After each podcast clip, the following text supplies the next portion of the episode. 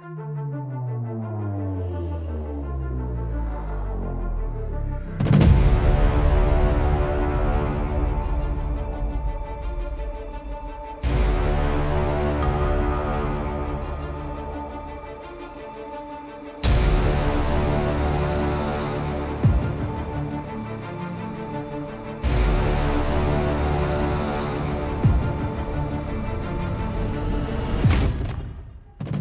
Cześć, witam na moim kanale.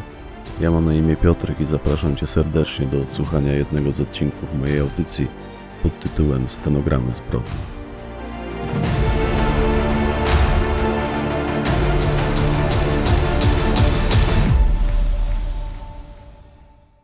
Tajemnica. Fragment stenogramu zeznań sierżanta sztabowego Marka W. 23 marca pełniłem służbę dyżurnego w naszej komendzie. Mam na myśli oczywiście Komendę Miejską Policji w Olsztynie. Służba na dyżurce to służba jak każda inna, choć akurat tego dnia patentów było jakby więcej. W większości byli to oczywiście starsi ludzie, jak zwykle przychodzili poskarżyć się na różne rzeczy. Starsi ludzie nie dzwonią, tylko przychodzą. Mają nadzieję, że zjawiając się w komendzie więcej załatwią. Przychodzą w najróżniejszych sprawach, z reguły to sprawy błahe, nie wymagające naszej interwencji. Zgłoszenie chociażby sprawy skradzionego z altany sekatora to dla takich osób spore wydarzenie, dlatego często zjawiają się u nas elegancko ubrani. Niektórzy nie tyle przychodzą z prośbą o interwencję, co pragną, by ktokolwiek ich wysłuchał. Chcą wyrzucić z siebie to, co leży im na sercu, i policjant wtedy staje się tym, który wysłuchać ich musi, a przynajmniej powinien. Zbliżał się wieczór, kiedy do komendy wszedł ten mężczyzna. Widziałem, jak przez chwilę kręcił się po korytarzu, potem rozmawiał z kimś przez telefon, a na koniec podszedł do mnie i poprosił o rozmowę z policjantem. Na moje pytanie, z którym odparł, że to obojętne. Powiedział, że chce, by wysłuchał go jakiś policjant. Do końca służby miałem jeszcze dwie godziny. Wszyscy przebywający w komendzie policjanci byli zajęci swoimi sprawami, więc zaprosiłem go do siebie na dyżurkę i postanowiłem wysłuchać osobiście, a przy okazji nagrać, na co on wyraził zgodę. Fragment stenogramu zeznań Bernarda C. Tam był taki głaz nad Mosongiem. Ogromny, wyrastający z ziemi głaz. Będąc jeszcze dziećmi, skakaliśmy z niego do wody na główkę. Za każdym razem, gdy wracam pamięcią do tamtych wydarzeń, najpierw jawi mi się w pamięci ten głaz na tle lśniącej od promieni słońca tafli jeziora. Być może tylko rozdrapię tym swoje rany i narobię sobie problemów, lecz cóż, muszę to panu wyznać. A pan zdecyduje co dalej. Jestem gotów ponieść wszelkie swoich czynów konsekwencje. Tylko zanim założy mi pan kajdanki, proszę wysłuchać mnie do końca. Proszę też potraktować moje słowa jak najbardziej poważnie. Będzie pan pierwszą osobą, która pozna moją tajemnicę. Byliśmy wtedy dziećmi, choć mój brat Ireneusz był ode mnie o dwa lata starszy i o pół głowy większy. Ja byłem filigranowej postury dziewięciolatkiem, który w poszukiwaniu dowodzonej przez niego podwórkowej bandy znalazł się wtedy w nieodpowiednim miejscu i zobaczył coś, czego nie chciałby zobaczyć, choć do podobnych scen mój wzrok był już wtedy przyzwyczajony. Do dziś czuję w nosie zapach pola rzepaku, na skraju którego wtedy stałem. Tam czułem się bezpieczny.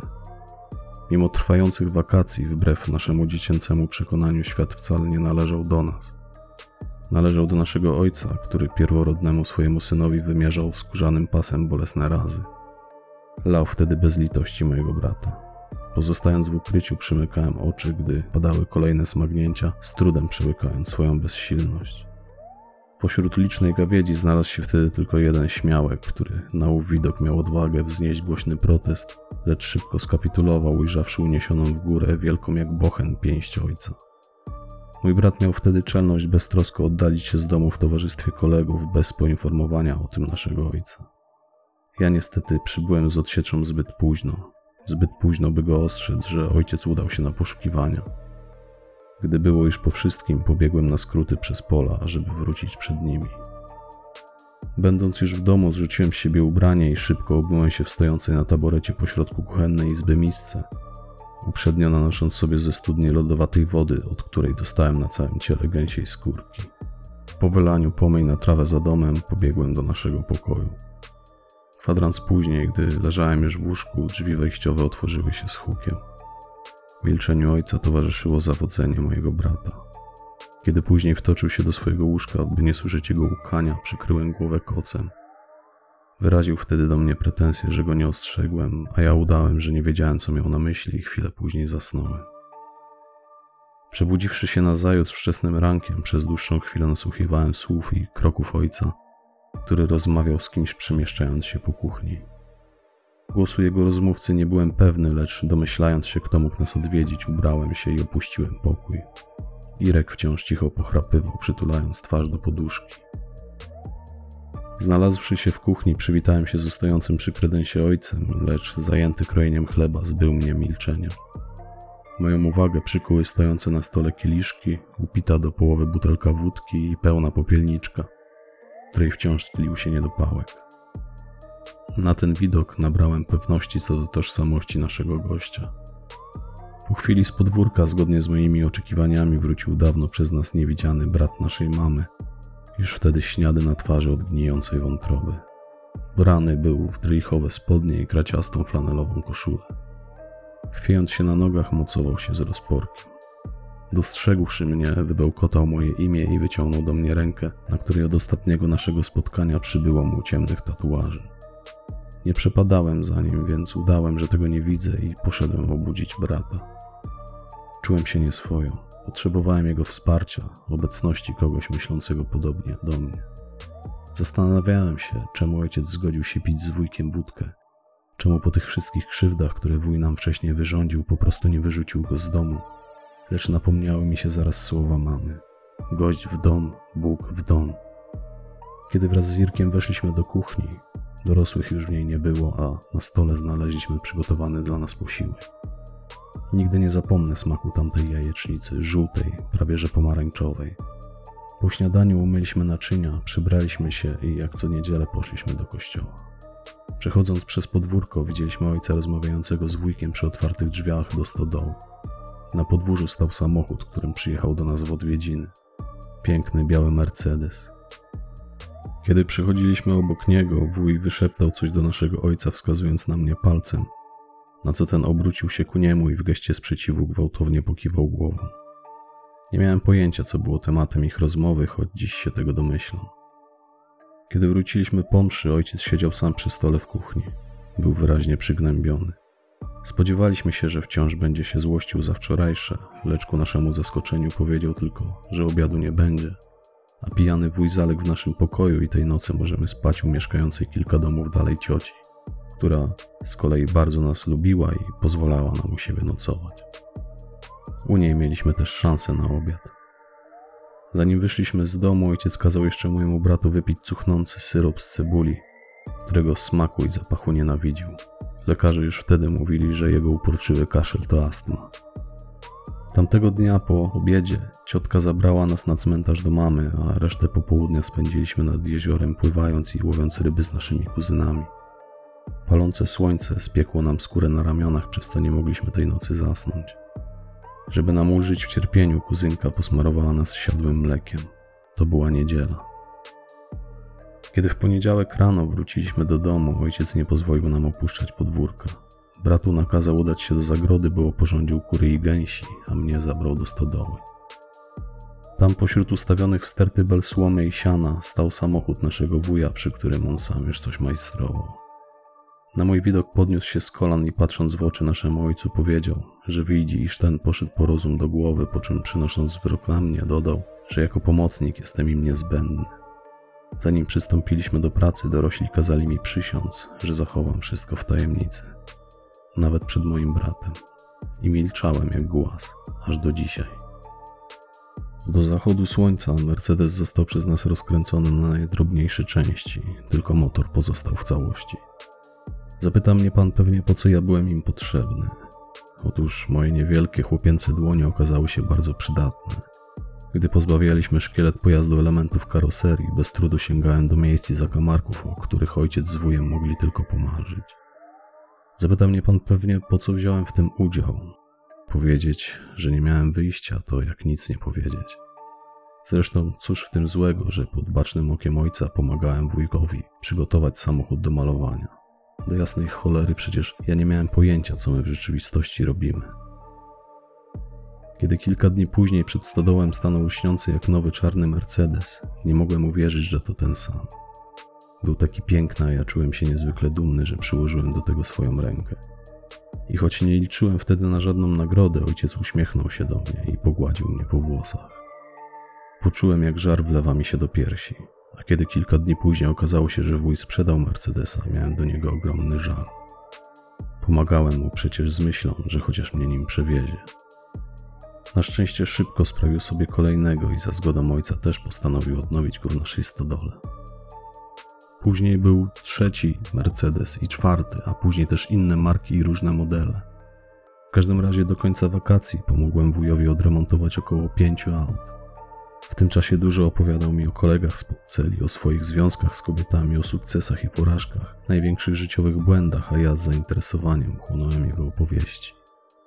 Niestety podczas naszych prac w stodole bezwstydnie wychylał kolejne kieliszki, przez co regularnie dochodziło między nim a moim ojcem do scysji. Za każdym razem strachałem się, że skoczą sobie do gardeł. Mój brat nie był tego świadkiem, bo ojciec kategorycznie zabronił mu wchodzić do stodoły. Ojciec z wujem pobili się kiedyś, jeszcze gdy mama żyła. Wujek, będąc wtedy u nas w odwiedzinach, obraził ją. Ojciec stanął w jej obronie.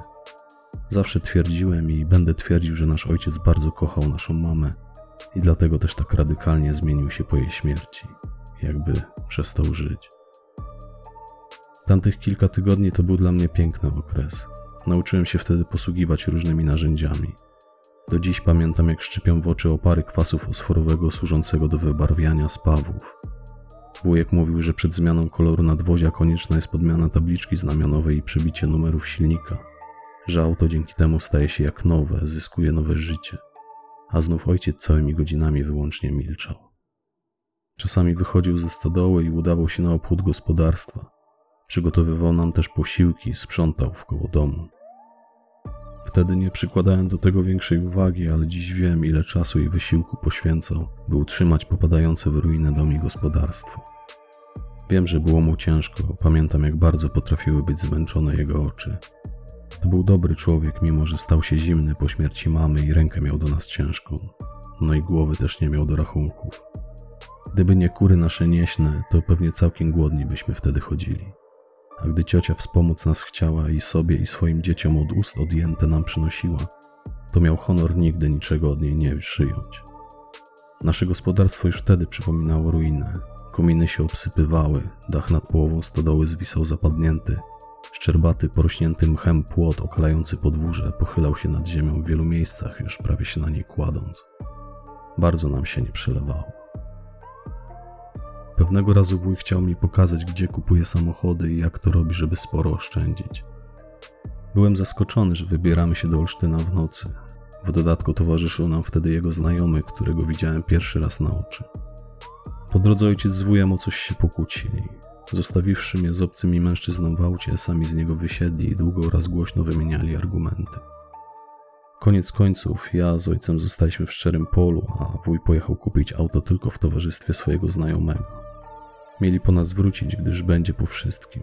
Spędziłem wtedy wspólnie z ojcem dużo czasu, leżąc przy drodze wysokiej trawie i obserwując niebo. Okazało się przy tym, że on całkiem nieźle znał się na gwiazdach. Wypowiadał ich nazwy i nakreślał poszczególne ich konstelacje. Przez chwilę nawet przypuszczałem, że je zmyśla, Powiedział mi wtedy, że ludzie po śmierci zamieniają się w jakąś drobną część wszechświata, najczęściej właśnie w gwiazdy i być może mamy szczęście patrzeć akurat na mamę. Dodał też, że kiedyś do niej dołączy. Wtedy zrozumiałem, że on, podobnie jak ja, nieprzerwanie o niej myślał.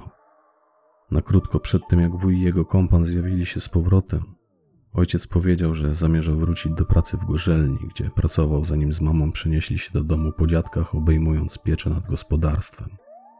Na początek chciał oddać nas na wychowanie cioci, a sam miał zamieszkać w hotelu robotniczym przy gorzelni. Obiecał mi wtedy, że ściągnie nas do siebie, jak tylko się urządzi. Tamtej nocy, gdy wuj postawił nam kupione przez siebie auto, byśmy przetransportowali je do nas, a sam pojechał ze swoim znajomym coś jeszcze załatwić, ojciec pozwolił mi poprowadzić. Wyobraża pan sobie? Byłem zbyt niski, by siedząc samemu w fotelu móc zobaczyć, co dzieje się przed maską, więc wziął mnie wtedy na kolana. Do dziś pamiętam, jak lekko obracała się kierownica i jak przyjemna była w dotyku. Audi, którego koloru ze względu na panujące wokół ciemności nie potrafiłem wtedy określić, żwawo reagowało na wciskany przez ojca pedał gazu. Gdy mocne reflektory rozświetlały roztaczający się przed nami mrok, wydawało mi się, że płyniemy, a ja jestem kapitanem tego statku. Wie pan, co w tym wszystkim było najwspanialszego? To, że po miesiącach samotności znów byłem blisko taty. Czułem się jak uskrzydlony. Niezaprzeczalnie była to jedna z najszczęśliwszych chwil w moim życiu. Bardzo zapadło mi to w pamięć. Mogę powiedzieć, że wryło mi się to w mózg. Gdy się skupię, jestem w stanie przypomnieć sobie nawet zapach tamtej ciepłej letniej nocy. Nawet kiedy pękła nam opona i nie zdążywszy wyhamować, uderzyliśmy w rosnące przy drodze drzewo, rozbijając przy tym jeden z reflektorów i wgniatając część zderzaka. Ojciec nie popadł w złość. Wręcz przeciwnie. Wybuchnął gromkim śmiechem i zanosząc się nim przystąpił do zmiany przebitego koła. Będąc dzieckiem, mylnie odebrałem to jako świadectwo szczęścia zamiast objawu jego szaleństwa. Ale ani ja, ani mój brat nie przywiązywaliśmy wtedy większej uwagi do jego dziwacznych zachowań. Wtedy nie wzbudzało naszych podejrzeń nawet to, że jego wielogodzinne milczenie potrafiło zmieniać się w długie rozmowy z wyimaginowaną mamą. Mówił do niej zupełnie jakby była żywa i stała obok niego. Skąd mielibyśmy wtedy wiedzieć, że istnieje coś takiego jak schizofrenia, skoro u nas na wsi ciężko było nawet o weterynarza, a co dopiero o kogoś, kto miałby rozeznanie w chorobach umysłu? Skąd mielibyśmy wiedzieć, że należało chronić go przed czynnikami wyzwalającymi ataki tej przebiegłej choroby? Jak mielibyśmy go przed nią ustrzec? I będąc w pełni świadomym, iż nie byliśmy w stanie niczemu zapobiec, wciąż mam wyrzuty sumienia, że tego nie zrobiliśmy. Czasami tak długo i intensywnie o tym myślę, iż boję się, że jawi się u mnie choroba ojca. To wszystko strasznie wgryzło mi się w pamięć. Nie ma dnia, bym nie przywołał tamtych wspomnień, zwłaszcza ostatniej wakacyjnej nocy. Wtedy, za dnia jeszcze, ojciec z wujem po raz kolejny bardzo się pokłócili. Na tyle mocno, że doszło między nimi do rękoczynów. Ojciec z zakrwawionym nosem wybiegł ze stodołu i udał się do drewutni, po czym wrócił chowając za pasem siekierę. Na szczęście udało mi się mu ją odebrać. Wuj, który ucierpiał w tym starciu bardziej od ojca, wymknął się wtedy na podwórze. Obiecał wrócić z kolegami i wrzenić tacie kosę pod serce. Krzyczał, że ma go w szachu i załatwi albo jego, albo nas. Kiedy sytuacja nieco się uspokoiła, mój brat, panicznie się trzęsąc, uciekł do cioci. Zostawił mnie tam samego. Gdy ojciec ochłonął, obmył się z krwi, ubrał białą koszulę i zabrał mnie na cmentarz do mamy. Widziałem go wtedy płaczącego po raz pierwszy od jej śmierci. Przytulając mnie nad jej grobem, prosił, byśmy mu wszystko wybaczyli, cokolwiek miałoby się wydarzyć. Byłem przerażony, podobnie jak mój brat chciałem od niego uciec, lecz czułem, że nie mogę go zostawić. Po powrocie do domu udałem się do naszego pokoju, gdzie leżąc w łóżku długo nad wszystkim rozmyślałem. Kiedy wieczorem wszedłem do kuchni zobaczyć, co robi, zastałem go w niej siedzącego przy stole. Milczał, mieszając palcem w talerzyku, na którym znajdowała się rtęć z leżącego obok rozbitego termometru. Nie udało mi się nawiązać z nim żadnego kontaktu. Ukroiłem sobie kromkę chleba, wróciłem do pokoju i bardzo zmęczony wydarzeniami tamtego dnia wkrótce zasnąłem. W nocy wyrwał mnie ze snu dochodzący z podwórza głośny krzyk. Zerwałem się z łóżka i wyjrzałem przez okno. Ku mojemu przerażeniu zobaczyłem jasną łunę unoszącą się nad płonącą stodołą, a w nosie poczułem smród benzyny i spalenizny, co skutecznie pozbawiło mnie złudzeń, że wciąż śniłem. Wodząc wzrokiem po podwórzu, zauważyłem stojącego przy studni ojca, trzymającego w górze płonący kij. Wymachując nim, darł się w niebo głosy. Na widok tego sparaliżował mnie strach. Dosłownie mnie sparaliżował. Nie mogąc ustać na trzęsących się pode mną nogach, przysiadłem na chwilę na łóżku. W akompaniamencie krzyków ojca starałem się zapanować nad sobą, cicho odmawiając modlitwę. W pewnym momencie zamilkł. Gdy kilka minut później udało mi się odzyskać władzę w nogach, ponownie wyjrzałem przez okno. Stodoła wciąż płonęła, lecz ojca już się nie dopatrzyłem. Drżącymi rękoma wciągnąłem na siebie spodenki, wzyłem buty i wyszedłem na podwórze, głośno go nawołując. Sprawdziłem okolice płonącej stodoły, podchodząc do niej tak blisko, jak tylko się dało. Nie odnalazłem go tam, więc wróciłem do domu i dwukrotnie obszedłem w nim wszystkie pomieszczenia, po czym znów wyszedłem na podwórze. Stojąc w chmurze gryzącego dymu, przypomniałem sobie o studni. Podbiegłem do niej i ujrzałem odsunięty jeden z dwóch okalających pompę kamiennych bloków. Zajrzałem do jej wnętrza, lecz z powodu panujących ciemności niczego nie zauważyłem. Podniosłem więc z ziemi wciąż płonący kij i przyświęcając nim sobie ponownie włożyłem głowę do studni. Ujrzawszy wystające nad powierzchnię wody ludzkie bose stopy, wzdrygnąłem się ze strachu tak bardzo, że na moment utraciłem równowagę, przez co sam prawie wpadłem do środka. Do studni, do której jeszcze kilkanaście miesięcy wcześniej pod czujnym okiem mamy wrzucaliśmy pieniążki wypowiadaliśmy wraz z moim bratem życzenia. Ja oczywiście pragnąłem wtedy tylko jednego jej szybkiego powrotu do zdrowia. I wtedy chwycił mnie za kark mój wuj. Przyciągnął mnie do siebie, spojrzał mi głęboko w oczy i oznajmił, że mam milczeć jak grób, bo pójdę w ślady ojca, po czym rozpłynął się w ciemności. A ja milczałem. Do dzisiaj. Zanim nadeszła pomoc, zdążyłem jeszcze zrobić coś, do czego również nikomu nigdy się nie przyznałem. Po raz kolejny zajrzałem do studni, wychyliwszy się jeszcze bardziej niż poprzednio, i wtedy na widok zwłok ojca jakby straciłem kontakt z rzeczywistością.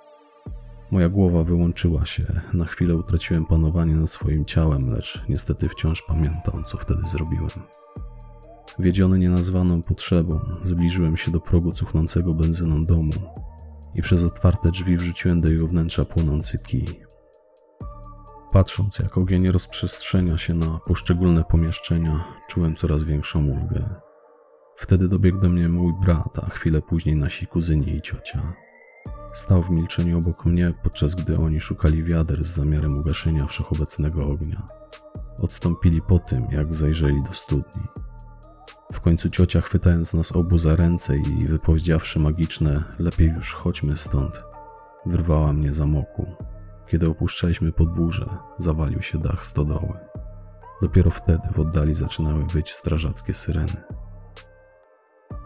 Myślę, że tamte wydarzenia miały niezaprzeczalny wpływ na całe nasze późniejsze życie. Obaj z bratem poradziliśmy sobie, lecz różnie. Ja sprawdziłem się na kanwie naukowej, on o dziwo został spawaczem. W przeciwieństwie do niego nigdy nie założyłem rodziny. Wiele razy miałem żal do losu, że napełniwszy mnie tamtymi obrazami, zmarnował mi młodość. Dziś wiem, że tak po prostu wygląda ludzka dola. Przeżyłem mojego brata, choć miałem nadzieję, że odejdę jako pierwszy.